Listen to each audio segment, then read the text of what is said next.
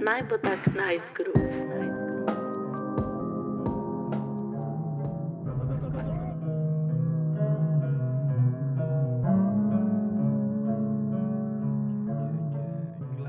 Evo, in smo v drugi epizodi sodelovanja med Glass Balloons in TEDx Univerzo v Ljubljani.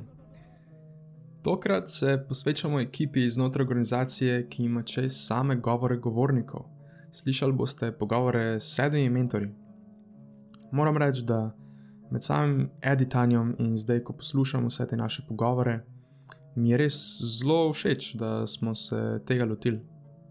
Skupaj s prejšnjo epizodo je to zdaj že 13 pogovorov z ekipo iz TEDx Univerze v Ljubljani. Ta del se mi zdi še specialno zanimiv, zato ker so to pogovori s samimi mentori teh govorcev, no, oziroma kot oni rečejo, govornikov. In že sam, recimo, se, če razmišljamo o sestavljanju tega govora, tega desetminutnega govora, uh, kot jih ima teh šest govor, govornikov na TEDx Univerze v Ljubljani, um, je to tako precejšen, skoraj ziv, bi temu rekel. In da ti kot mentor, da si nekako zadolžen za to, da bo potem ta pogovor oziroma um, ta govor prišel čez dobro in da ga bojo vsi ti ljudje, ki bojo ta program poslušali, da bojo s tem zadovoljni. Je kar precejšna neka zadolžitev. Tako da, ko mi v bistvu čakam, no, da slišimo vse te pogovore s temi, se pravi, kdo, kdo so sploh te mentori zadaj. No, no pa kar pejmo v epizodo.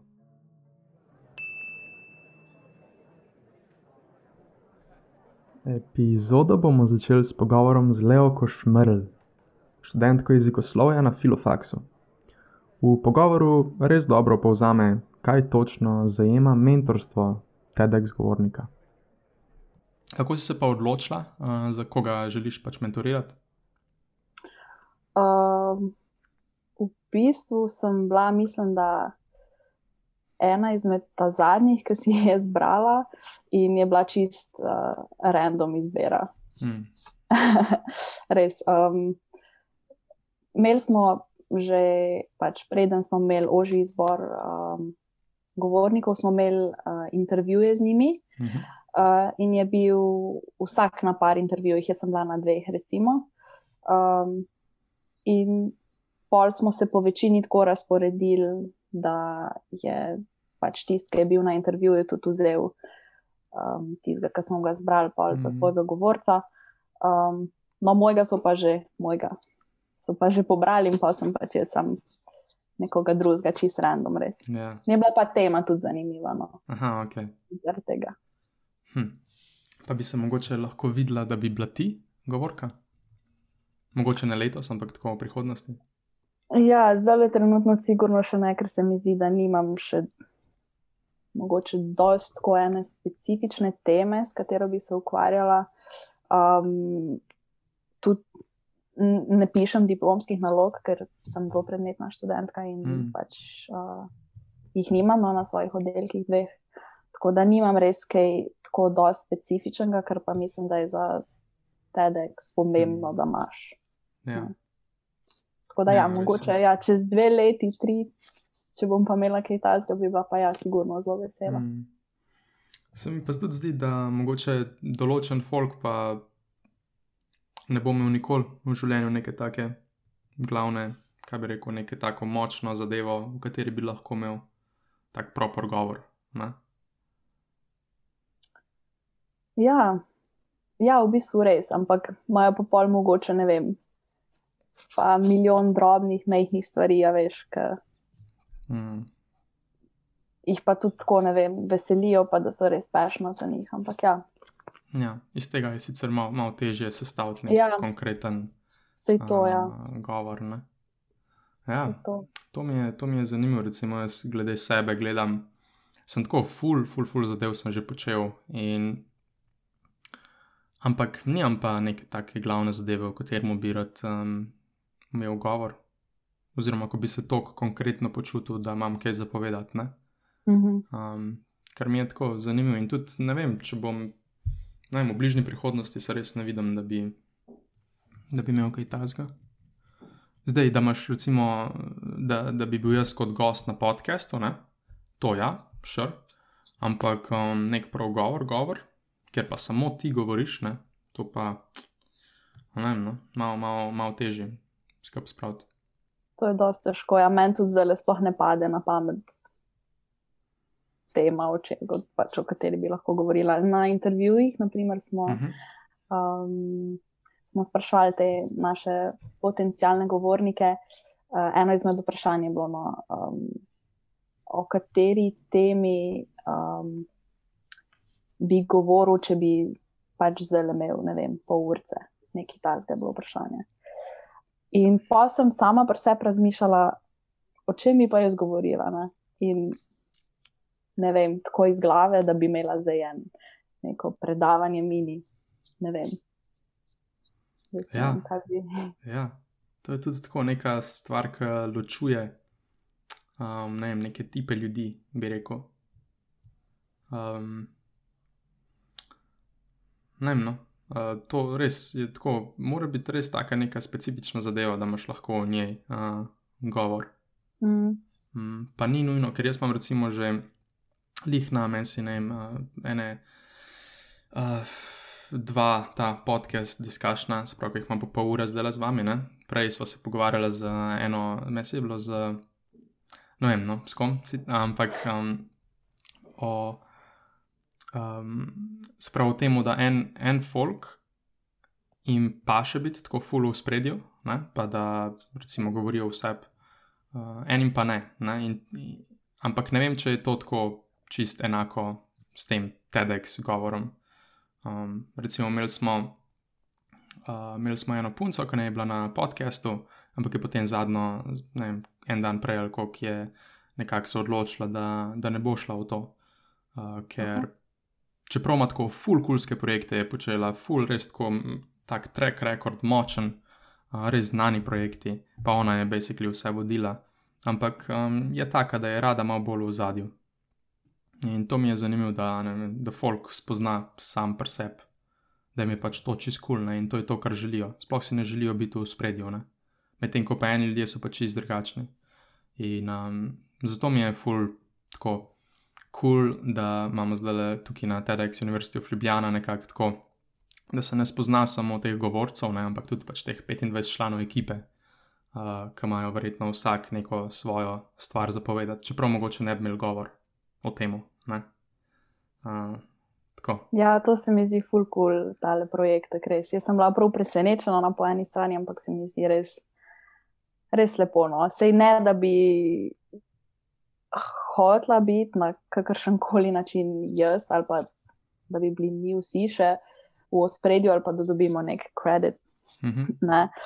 um, ampak se mi zdi no, res full cool da se še malo te nas uh, strice iz ozadja. Strice iz ozadja. tako, tako. Večina tet, v bistvu, strice je zelo malo. Kot tri fanti so, ne? ali kot štiri, tri. Žiga, mak, mm. Pa Matija. Ja, nekaj tasga, štiri, mm. pet, nekaj yeah. tasga. Nismo mogli jih um, zastopani pravično, ampak ja. ja. Vse sem jaz v, v organizaciji um, v neki prostovoljstvu, jaz sem jaz tako kar pogosto, um, kot jaz opažam, da je večina punc. Um, ja, in kaj bi, kaj bi pa rekla, da je recimo tvoj razlog, uh, tvoj, aha, ja, konkreten razlog, recimo, zakaj se odločila sodelovati v projektu? Um, v bistvu lani, ko sem videla te prijave, uh mhm. -huh.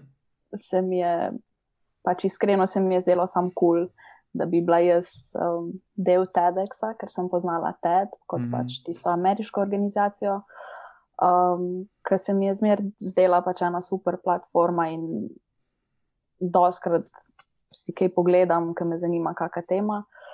Um, in se mi je pač zdelo zelo kul, cool, da bi pa jaz lahko tudi nekaj v tem okviru ustvarjala. -hmm. um, Ampak polita, ko si del te celotne ekipe,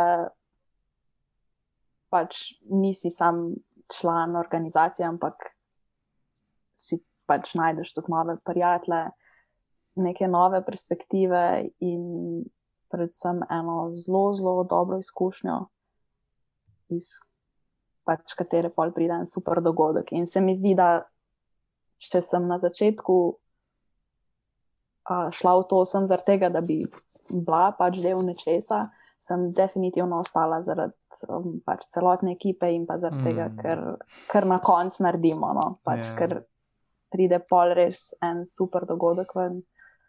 Um, in, ja. hm, dobro, sprav. Prišla zaradi ne, priložnosti, mogoče, tako, uh, ostala tako. pa zaradi ljudi. Ali je to najlepše?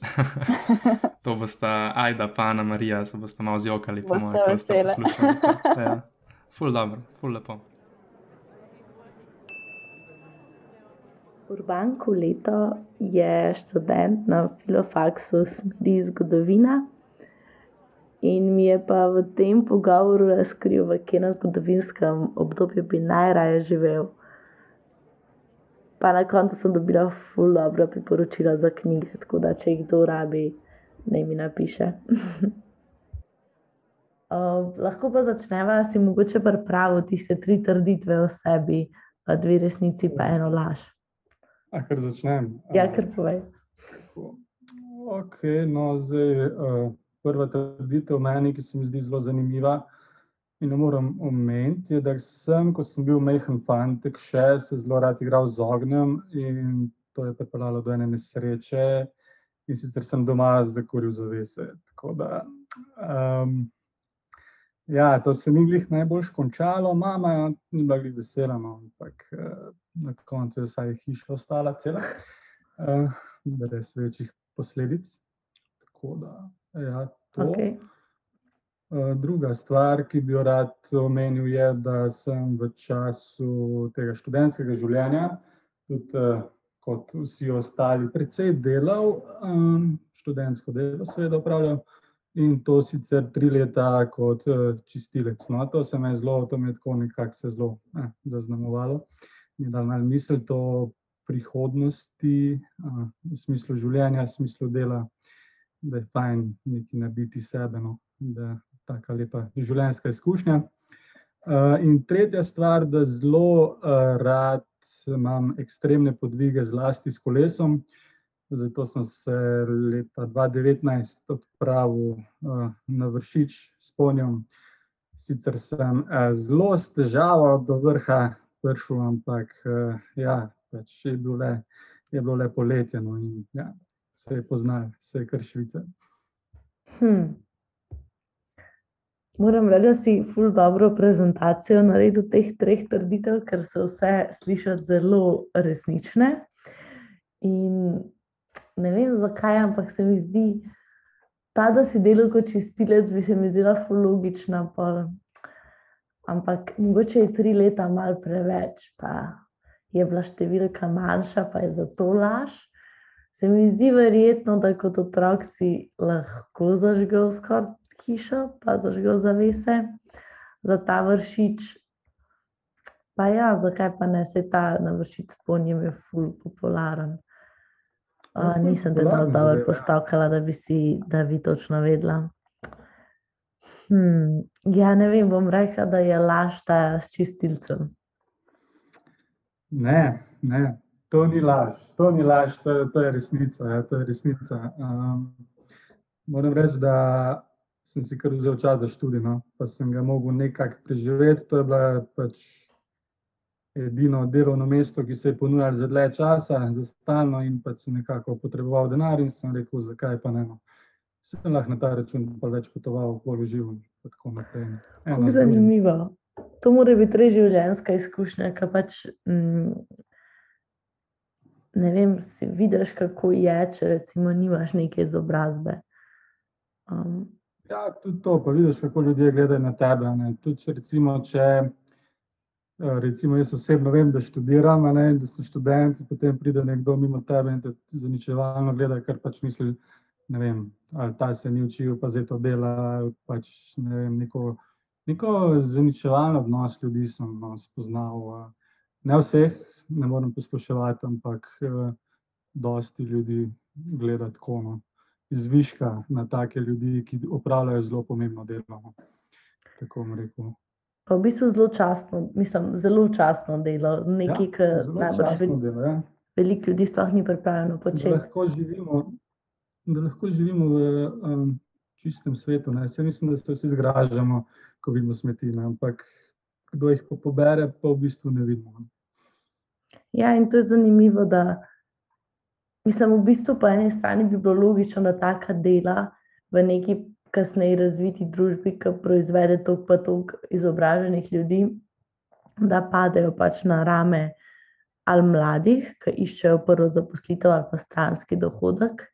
Samo mogoče še nismo tega niti navajeni, in tudi nam, kot študentov, jaz čisto iz osebne izkušnje lahko rečem, da mi je bilo najbolj neprijetno delati kot natakarca, pa nič tazga ni. Ampak ker imajo ljudje do tebe tak, ne vem, manj vrednostni odnos in gledajo na te kot sam, glih to, da ne služabnika včasih, ful neprijetno. Ah. Ampak se pa naučiš Ja, vidim, veliko iz tega. Vidim, da te je zaznamovalo tole. Ja, jaz, um, Sej, uh, je definitivno je teže delo, kot razgleda in spoštovanje vredno. da, Ja, včasih so šli v vojsko, um, zdaj pa jaz rečem, da tiste, tisto obdobje te, tega dela je mene dosti zaznamovalo. Omenil No. si tudi, da veliko potuješ. Ja, ja. Um, kje je bilo pa tvoje najljubše potovanje? Oh, zdaj, če bi tako mogel zbrati, je bilo najlepše potovanje s sestro, ki smo šla tako na en tak Balkan trip, no, z vlakom do Beograda in od Beograda potem a, z avtobusom do Sofije in nazaj. No. Ne, na tej poti se je zgodilo marsikaj ja, zanimivega. No. Tudi Tako, življenjska izkušnja. Doživela Balkan. Ful Dober, ja. Se ne rabiš daleč, da doživiš um, šok. Ne, ne. Sam, če greš z avtomobilom, je pa dosti manj stvari. No. Ne, ne čutiš to, ne čutiš to ljudi, no, k, s temi javnimi prevozi, tako kot vidiš res tiste pristne domačine, kako, kakšni so, kako reagirajo v določenih situacijah. naprej. Ojoj. Zdaj sem si prav zaželela, da bi šla na en Balkan trip, kaj si tako omenil. Mislim, da v teh časih si vsi želimo kamorkoli. Ne dolgo nazaj je bila že to sosednja občina, ne, zdaj pa ja. Ja, kdaj je bilo to? Prejšnji ponedeljek sem šla. Ja, ker so se odprle regije, je bil že ta izlet do Portoroža luksus. Verjamem, upam, ne rabiš več. Ja. Uh, drugače si pa, um, no, Ana Marija in Aida sta te opisali kot strastni zgodovinar. To je bila njuna besedna zveza. E, Ja, prosto Um, ne. Pa povej mi, ne vem, kje je pa tvoje, mogoče to full basic vprašanje, ampak kje je tvoje najljubše zgodovinsko obdobje? Ali pa če bi imel zdaj časovni stroj, kjer ga bi šel tako pogledati. Ok, um, nisi tako bezik vprašala.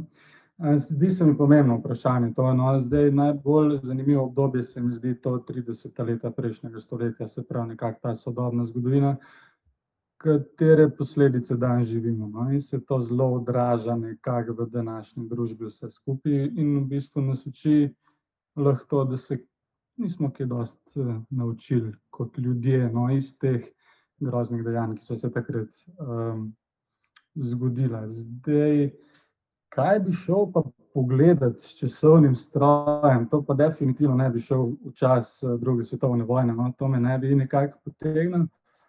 Eh, Bi pa mogoče vzel tista leta med vojno, no, ko se je to vse skupaj malo sprostilo, ko se je začelo malo žurati, malo piti, no, se je tehnologija začela razvijati in tako naprej. No. To so bila po moje lepa 20 leta Great Gatsby. Uh, ti pa Ja, se si trudim, na področju programa, ne? se pravi, boš Ja, tudi mentor enemu govorcu letos. Tako je, tako je. Ja. Uh, Mentor bo me eni punci, ne povem še kateri, se mislim, da se tudi pripravlja pogovor z njo. Tako Tako da bomo še malo počakali z razkrivanjem, ampak eh, obljubljam pa, da bo zelo zanimiv in pester govor imela. No, tako da to pa Je že tudi kar lahko zaenkrat izdam, ker še ne vem točno, kaj bo. Vem samo naslov. Okay. To je to. A ne povedati, ne povedati. Ne, ne, ne bom, Bomo ne na bom. trnih pričakali.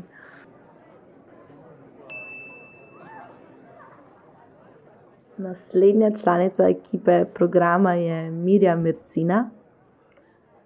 To pa je mlada diplomantka fakultete za šport, plezalka in pa nasploh ena pozitivna punca, moja bivša soplesalka, tako da se mičken že odprej poznava.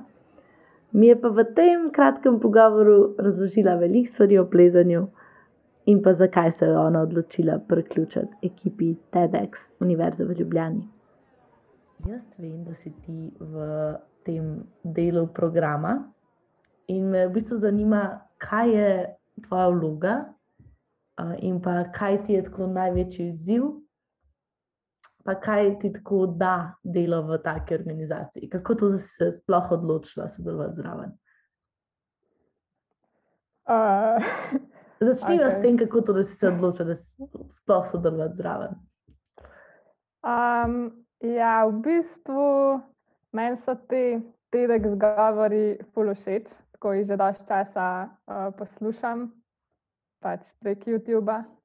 Um, in potem sem lani, predlani, uh, videla, da iščejo soorganizatorje in sem se prijavila in pač sem začela sodelovati z njimi. Um, ja, In si zmeri v tem, uh, v, pač v programu. že lani sem bila v programu. Ja. Okay. Se pravi, znaš primerjati, v bistvu, kako je bilo čakaj lani, kdaj je bila korona, lani. A ste lani, ja. Ste imeli isto vse online? Ja, Se, pa- sicer na, za, na začetku ne, no, ampak potem um, je prišla korona in potem smo se In zamaknili.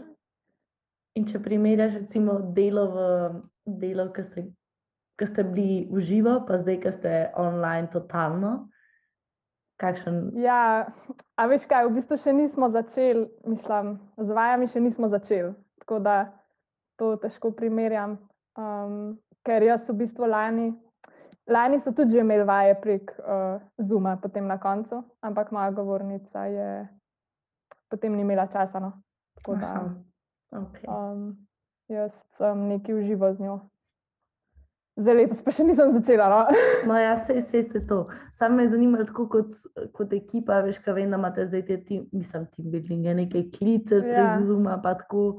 A se ti zdi, da je, da je čutiti nek boljši team spirit ali slabši? Ali je tako? V bistvu letos je ful več ljudi v organizaciji in se mi zdi v bistvu boljši spirit. No. A, a si mogoče videla v moje sporočilo, ki sem napisala, da si izmišlja, izmišljaš uh, tri trditve, vse pa ena je laž. Ja, Surprise mi. a kar pa vem. ja, daj. Um, ja, samo ena je taka, ki boš si tako vedela. No, ja. uh, prva je, da obožujem plezanje v hribih, druga je, da delam v vrtu, tretja je pa, da ne znam kuhati. Hm. Čakaj, da plezaš v hribih, zdaj ne vem, če je to kakšna zanka, da se ne reče hribi, ampak se reče gore. Ne, ne, ne. Um, pol delaš v vrtu, pa recimo lahko bi bilo to res, čeprav ne vem, koliko je zdaj to odprt. Uh, ne znaš kuhati. Pa moja znaš kuhati. Se pravi, ta vrtec ni res. Ne, je res, vrtec je res. A pa ne znaš kuhati. Ampak, ne, ne, to maraš res. prej za to hribi. ne, to, da ne znam kuhati, ni res. Tak, ne Sam to znaš. si zdaj, a veš, kaj je A, zanikal. oh, to so te, to so prav temno, ko se ne moreš spomniti laži in potem se eno resnico in jo samo vrneš. Pogovor nadaljujemo s Tinkaro Leskovec, študentko specialne pedagogike na fakulteti za pedagogiko v Ljubljani. Res me je močno pritegnila njena zgodba o razlogu za študijum specialne pedagogike. Ok, ful bi se rad to vprašal, uh, me res zanima. No? To se mi je tako zelo zanimivo, če ima oseba dejanski razlog, zakaj je šla študirati to, kar je šla študirati. Ne? Ker se mi je danes zelo pogosto to, da ljudje pač grejo nekaj študirati samo zato, ker se želijo podaljšati ta čas, ko, so, Ja, ko se jim ni treba odločiti o karieri. Ne? to se čist strinjam. Ja. Mene je, ne vem, zadnje dva, le, pač tretji, pa četrt letnik sem se tako počutila, da ne morem narediti neko spremembo, ne vem, da imam neko poslanstvo. In ko sem začela malo bolj globi razmišljati, sem prišla do tega, da, ja, da bi se posvetila tem ljudem, zato ker imam tudi sama sestro s Mm. posebnimi potrebami, ki ima motnje v duševnem razvoju. In ne vem, ko pridem med te ljudi, je tak poseben vibe. Pač ful se srečno počutim, tako energijo dobim od njih, da pač se mi zdi, da jim moram to vračati. No. Res. Ful Taki sončki so, res. Ja, ja, ja. To mi je isto ena moja uh, prijateljica, v bistvu od Matije, uh, Matija, ne, Gubanec, ki je isto del Mhm. TEDx ekipe, njegova punca. Um, se mi zdi, da isto študira kot ti, no, Natalija. In, in sva se isto mi dva pogovarjala o tem, se pravi, kaj, kaj ona vidi v Mhm. točno temu, kar si zdaj opisala. Na eni je v bistvu zelo, zelo, zelo, kot se spomnim, podobno stvar mi rekla. Da je pač neka tak, nek tak special vibe, čutiš okoli teh ljudi in so Ja. res, uh, in so res sončki. Ne? Kar mi je ful zanimivo, pač jaz nimam nobenih izkušenj s tem. Ne? Pa tudi ne vem, če bi jaz enak čutil. Ja, jaz sem s tem urasla pač Mm, to je res, ja. od malih nog, ker je pač najstarejša, prva rojenka in, in mi je zelo tako, ne vem, blizu so mi, se jih niti ne bojim, ko vidim mlajši brat, ki se je rodil 11, 11 let kasneje, ki jaz jo dosti drugače doživlja kot jaz. No. Mm. Se pravi, starejša sestra. Ja, To je zanimivo. Se, mm, aha, ker, ker je bila tudi ona. ker potem, ona se je z nami igrala, pač bila je Mhm. del naše družbe, on je pa pač toliko let kasneje prišel, da je pač je šla tudi v sedmih letih je šla v dom in ni bila toliko časa več z nami in jo je pač videl samo za vikende, Mhm. ampak zdaj, ko smo jo pa pač vzeli domov, jo pa pač se pa ful zastopta tudi, ful skrbi za njo. Ja, razumem. Ja. Hm, to mi je ful. Si sploh ne morem predstavljati. No. Jaz sem v bistvu tako odrastel kot edinec. Ne. Tako da Mhm. niti ne vem, kako je imeti brata ali pa sestro. Kaj šele, da bi bilo pač tako, da bi mogel nekako skrbeti, oziroma um, da bi neke specialne potrebe. Tako da ful, ful zanimivo. No. Hm. In zakaj bi rekla, da si se ti odločila v bistvu investirati zdaj svojo energijo, lik zdaj, ki je ta lep sonček in vse v TEDx, Univerzite v Ljubljana? Sprav, omenila si, da zaradi tega, ker te mika pač spoznavati nove ljudi. Ne? Ja, pa, Ampak kaj še kaj drugega? se mi zdi, da je tu dobro odskočna deska za naprej. vem. Mhm. izkušnje dobiš, malo vidiš, kako se kaj organizira, ker to me tudi verjetno čaka, kakšno stvar organizirati, kakšen dogodek. Pa tudi promocijo se mi zdi, da dobiš dost izkušenj, pa ne vem, podatkov, kako se promovirati. Mhm.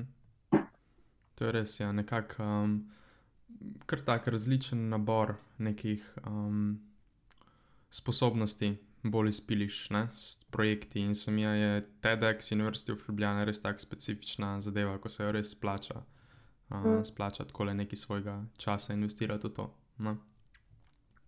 Hm.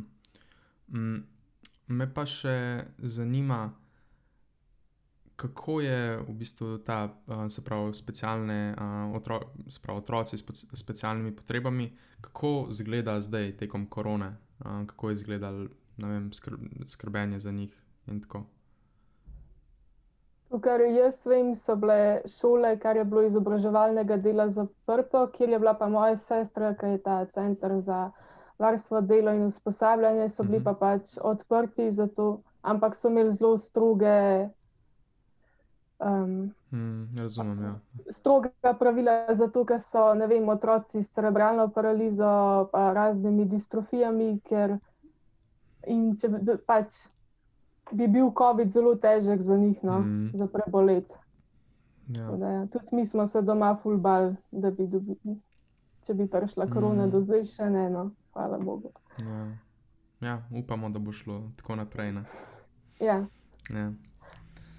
Ok, Tinkara, uh, full cool, uh, full hvala za tale čat. No? Nisem, uh, nisem sklepal, da bo o tem, o čem je bil. Tako da full cool. Takih pogovorov sem nekako naj, najbolj vesel.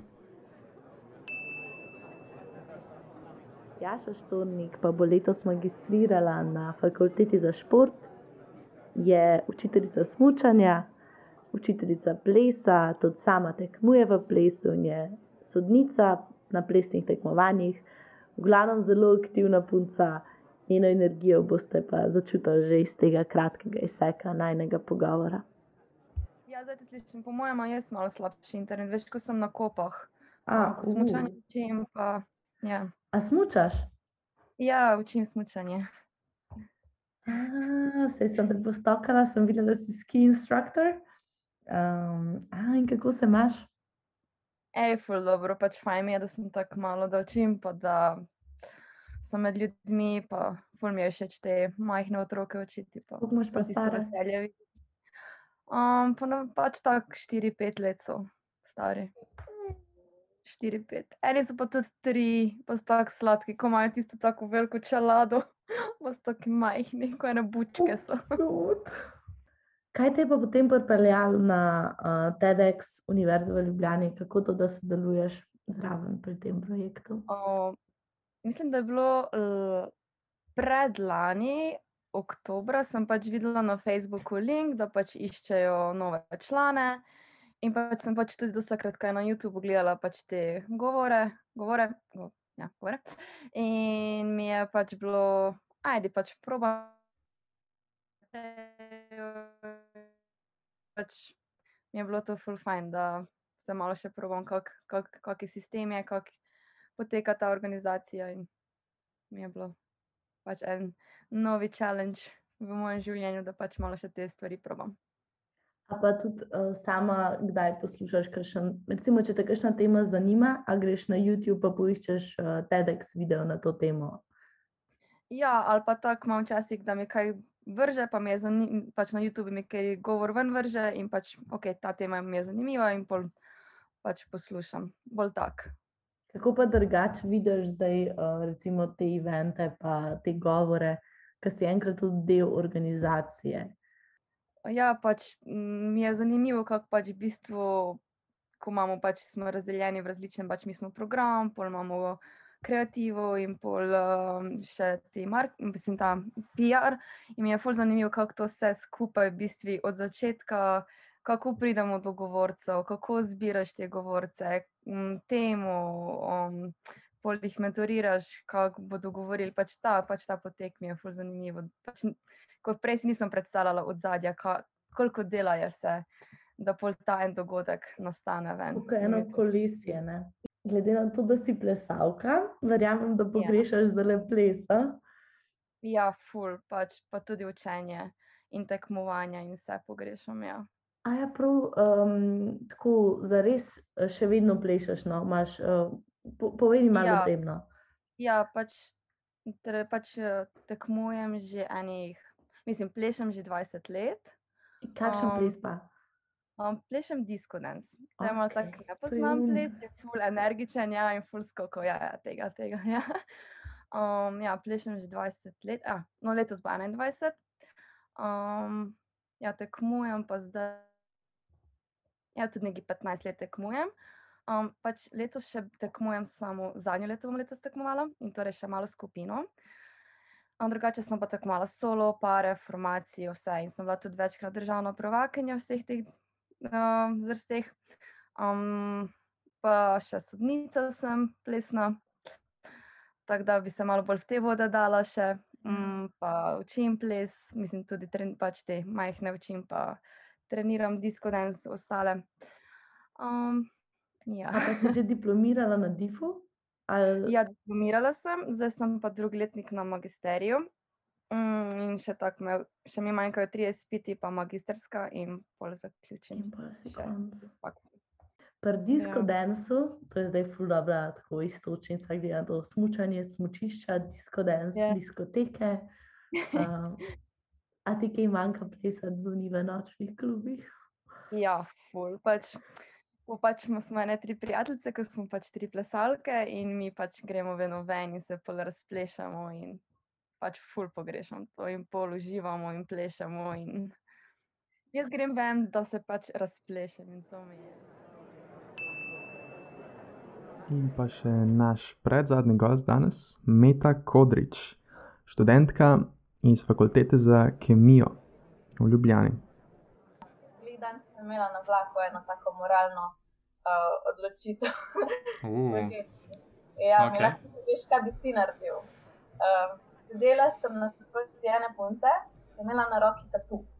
Uh, in ta tatu naj bi bila, po mojem, molekula serotonina, ampak je bila na robe napisana. So, ne vem, ker bi mogla biti hidroksilna skupina, naprimer, je bil sem kisik. Zdaj, kaj zdaj narediti? Tako, da, da znaš kitajsko, pa ima nekdo kitajsko črko, ko bi naj bi, ne vem, pomenila pogum, pomeni pa solata. A ja. veš, ne kaj povedati, naj gre tisti vodik dorisati ali jo pustiti, pa sem jo pustila. ja, to je ta pravi move. Ja. Jaz se strinjam, jaz se strinjam. Zdaj, če je bila to, sem jaz to bi lahko nekako primerjal tudi s tem, da ima recimo oseba ne vem, nekaj na obrazu, a veš neko packo ali nekaj. V tistem primeru lahko rečeš. Ne? Um, ali pa da ima neko, neko smet v laseh. Uh, zdaj, Ja, ja, to, kar je pa res uno, kako bi to šlo spremeniti, ne? recimo ta tu. Sklepam, da bi bilo dost. Ne vem, mogoče bi celo grdo izgledal, zdaj, če bi poskušali tam urint še, kaj si rekla, molekulo kisika na mest nečesa, ne, nečesa. ten vodik bi mogla dorisati zraven. No, Ampak ja, vred, ja.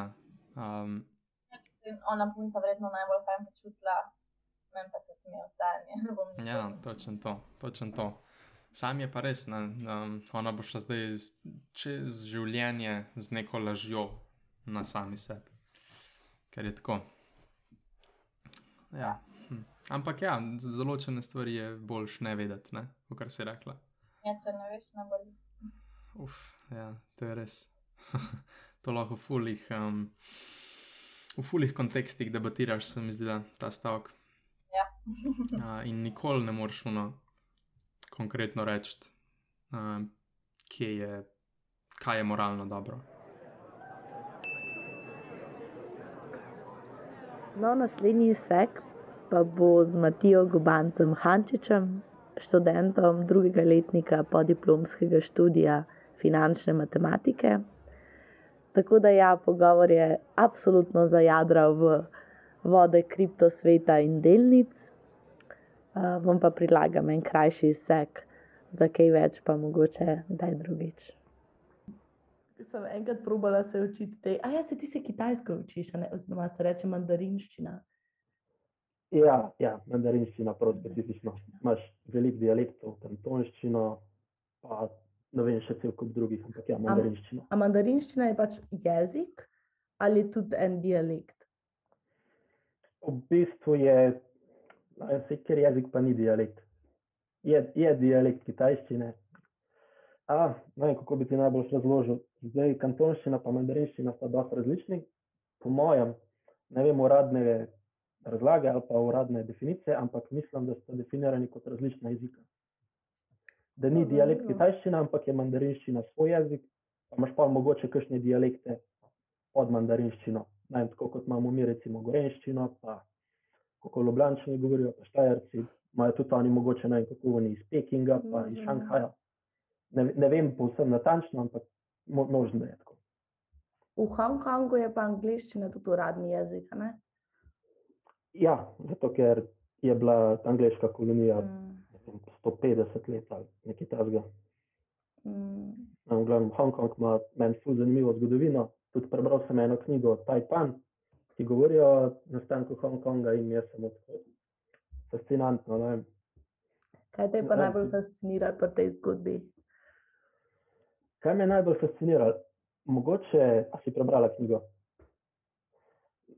mogoče struan, ta glavni lik, kako on, ne vem, razmišlja, pa kako on posel upravlja. Pa, ne vem, tako res vse njegove poteze so premišljene, tudi če ne vidiš takoj smisla. In to me res navdušuje. No. Vem, to bi tudi presepred tako kvaliteto gojil, da razmislim, kaj naredim, vem, zakaj kaj delam, tudi če drugim ne jasem. Se mi zdi, vem, da ti nudi ogromno prednost v življenju, v poslovnem svetu. Tako da, no, to me mogoče najbolj navdahne. Ja, on je tako zelo, um, kako bi rekla, strateški, ampak um, jaz sem, se, se mi zdi, da sem opazila, da je strateški v smislu, da ni zmeri stoprocentno racionalen. A veš, včasih, tako kot si rekel, naredi nekaj, kar drugi niso pričakovali, da bo naredil, in glih to je pa ključ, da je pač uspešno. Ne? Um, mislim, a ti je Nec predlagal to knjigo, ali si ti Nec predlagal? Ja, ja, ne, Nec je kar mi se predlaga večino. Meni tudi. Lej, če lahko tu dam en zgodovinski primer, uh, tako, eno realno osebo, recimo tudi Julij Cezar, najma si gledala serijo Rimalne. Nisem. Nisi, no, tam se mi zdi, da je dosti dobro predstavljen pred eno bitko, si on umije roke, po pripravljanju on ve, da je vse naredil, in da zdaj je pa na strani sreče, ali mu bo presodila zmago ali ne. In to se tudi meni zdi, recimo, ko trgujem s kriptovalutami ali pa to, ti narediš svojo analizo, ti narediš to nekako svojo nalogo in potem daš stavo, kupaš, šortaš, longaš, whatever. In potem bo pa sreča odločila, ali se bo obrnilo tvoj prid ali ne. Tudi Cezar, ki je rekel, ali je jakta, je naredil kalkulacijo, ni mogel vedeti zida, ampak on se je zavedal, da je naredil vse, kar je lahko. In to se mi zdi zelo pomembno. No. Matija, ti si del ekipe za program na TEDx Univerze v Ljubljani. A mi malo poveš, kaj točno pomeni biti del ekipe programa? Um, ja. To pomeni biti del neke kreativne in zabavne skupine ljudi zaenkrat vse osebe, ki sem jih spoznal, no, delujejo tako, da bi se videl tudi z njimi ohranjati prijateljstva. Potem, ko se zaključi cel TEDx program, to mi je fully všeč. Po drugi strani pa to pomeni, da delamo, da organiziramo nek dogodek, za katerega mislim, da širi neko pozitivno sporočilo, ljudem predstavlja nove, morda še nepoznane osebine. Um, in se mi zdi, da vem, res lahko pripomoremo nekako izobrazbi vse naših študentov na nek način, kot neko poslanstvo, mogoče bi lahko to mhm. dojel.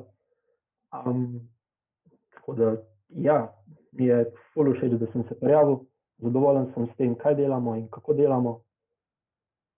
Tako da, ja, no, sam plus, plus, plus. Ja, zelo lepo slišati. Uh, to pomeni, v bistvu, kot vodja, uh, mislim, um, kot del programske ekipe, si potem ja. tudi mentor enemu govorniku, vse govornika, ne? ni govornik. Ja, je. govornik. Ja, ja pravilno. Ja, se pravi, naloge dela naše ekipe so, da smo zbrali govornike, ki bodo nastopili na našem dogodku, in potem, ko smo jih zbrali, vprašali so se strinjali. Uh, smo jim mentori, se pravi, jim dajemo na njihovem procesu snovanja govora in dajemo feedback, zato da ne vem, vidijo malo, kako se mi odzovemo, da preverjamo, ali so v skladu s TEDx smernicami, najbolj kot veš, ne smeš upletati religioznih tem, političnih tem, vse, kar rečeš, mora biti podprt znanostjo. In ja, mi smo nekako varovalka, ki preverjamo, da vse štima. Vse, kar rečeš, mora biti podprt znanostjo. Ja, ne moreš kar nekaj pseudoznanosti uporabljati.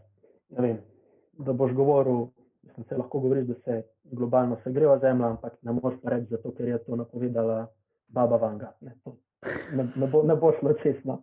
No, tak banalen ja. primer sem do zdaj. Ja.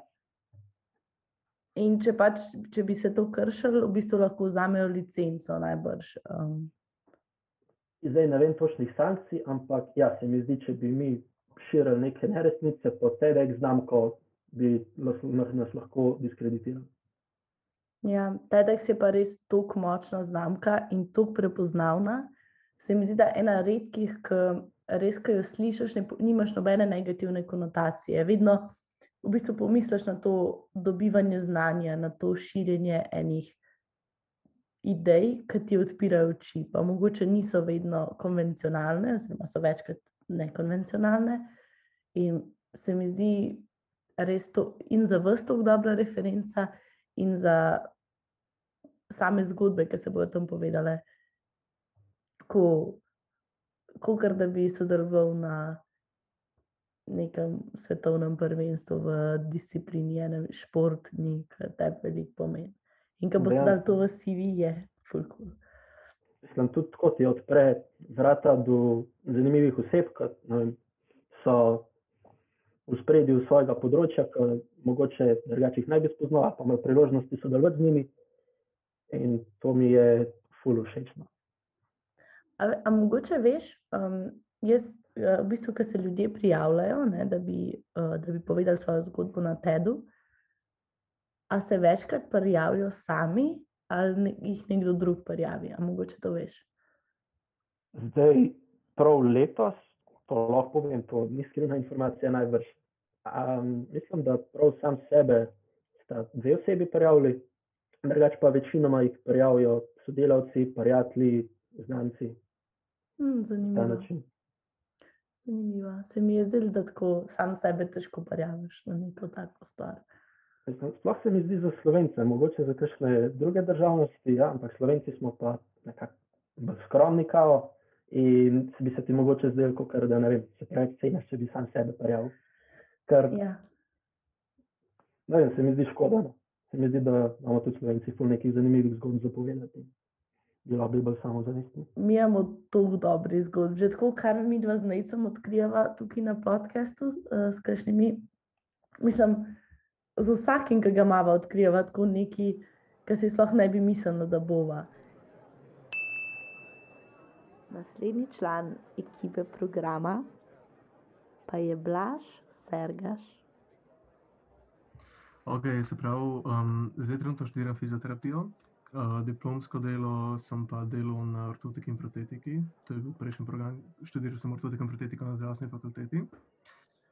In sicer diplomska govori pa o tem, razvil sem z enim profesorjem na strojni fakulteti, sem razvil um, metodo za merjenje plantarnih tlakov. Kaj je to? To so v bistvu uh, sile, ki jih izmerimo um, sile stopala, ki jih izmerimo pač na podlagi. Se pravi, ko ti s stopalom stopiš na tla, pač ustvariš neko silo na podlago.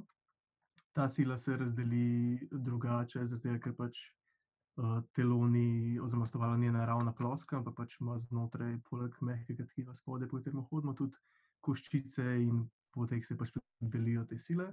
In smo hoteli, da je bila ta, da bi razvili en čeveljni vložek, s katerim bi v bistvu lahko merili pritiske stopala na podlago, in da bi to lahko merili tudi na terenu, se pravi, medtem ko bi um, človek tekel, hodil ali pa recimo samo se sprehajal v nekem rehabilitacijskem okolju. To sicer obstaja, um, niso pa, v bistvu, ja, osnovo sem, zgrešil, sem pač pozabil povedati, ne, osnova je bila ta, da je pač 3D natisnen. Se pravi, bi ga lahko prilagodil za vsakega pacijenta posebej.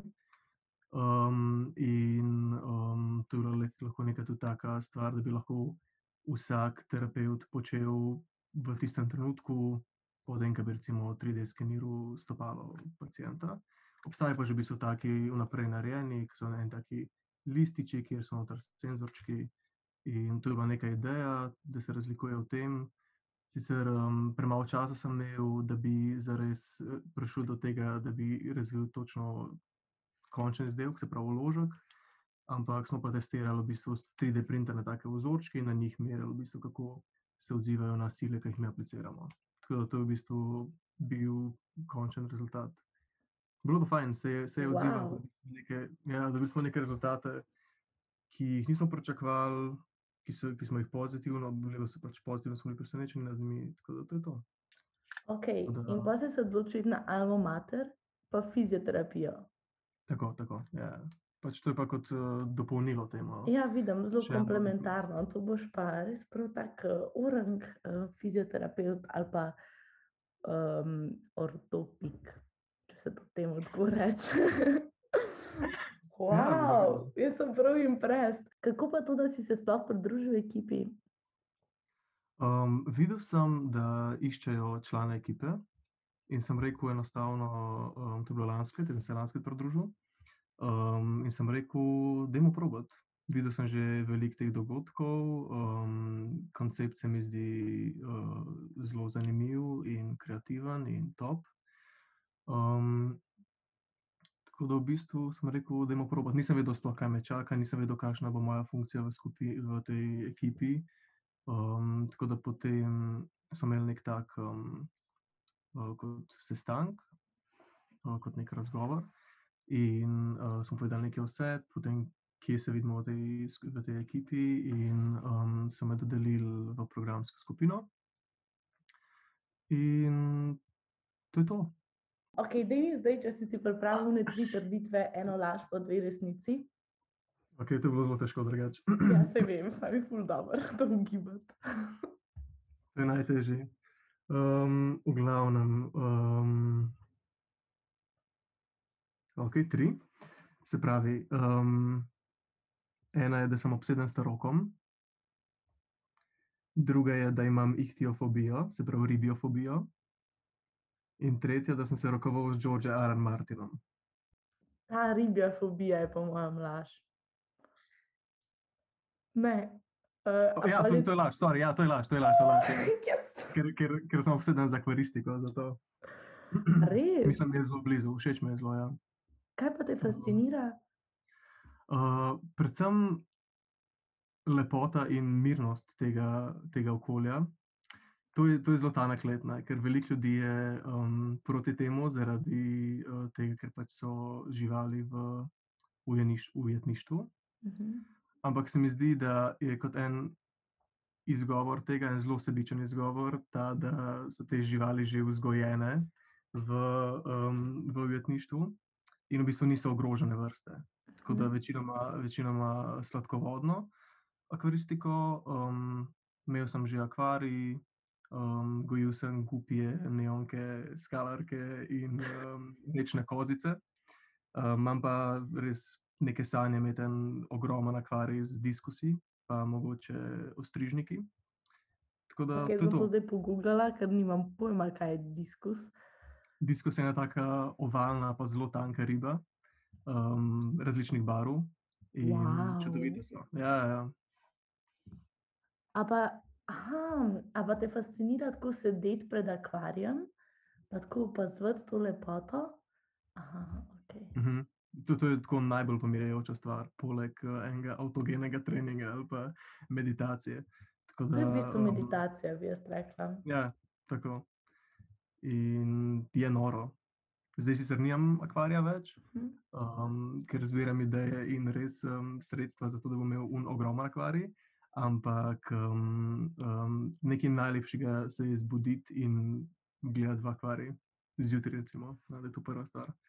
Um, Jaz sem čest presenečena, ker še nikoli nobenega nisem slišala to povedati. Kako zanimivo. Ja, tako se meni zdi. Ampak um, veliko ljudi, tudi moji frendi, ki jih poznam, pa pravijo, da je to najbolj neuporabna domača žival, ki jih imaš lahko doma. In da ne razumejo tega, ampak ok, ljudje smo različni. Kar ste ravno kar slišali, je bilo sedem pogovorov z ekipo za program, se pravi, mentori vseh govornikov od ekipe TEDx Univerze v Ljubljani. In kat, evo, to je to. Hvala, ker ste poslušali tokratno epizodo. Če poznate koga, ki bi ga podcast zanimal, dajte mu poslati link. Subskrbite se, če še niste, pa kliknite rate, tako prvi izveste za vsako novo epizodo. Stay glassy, čau, čau.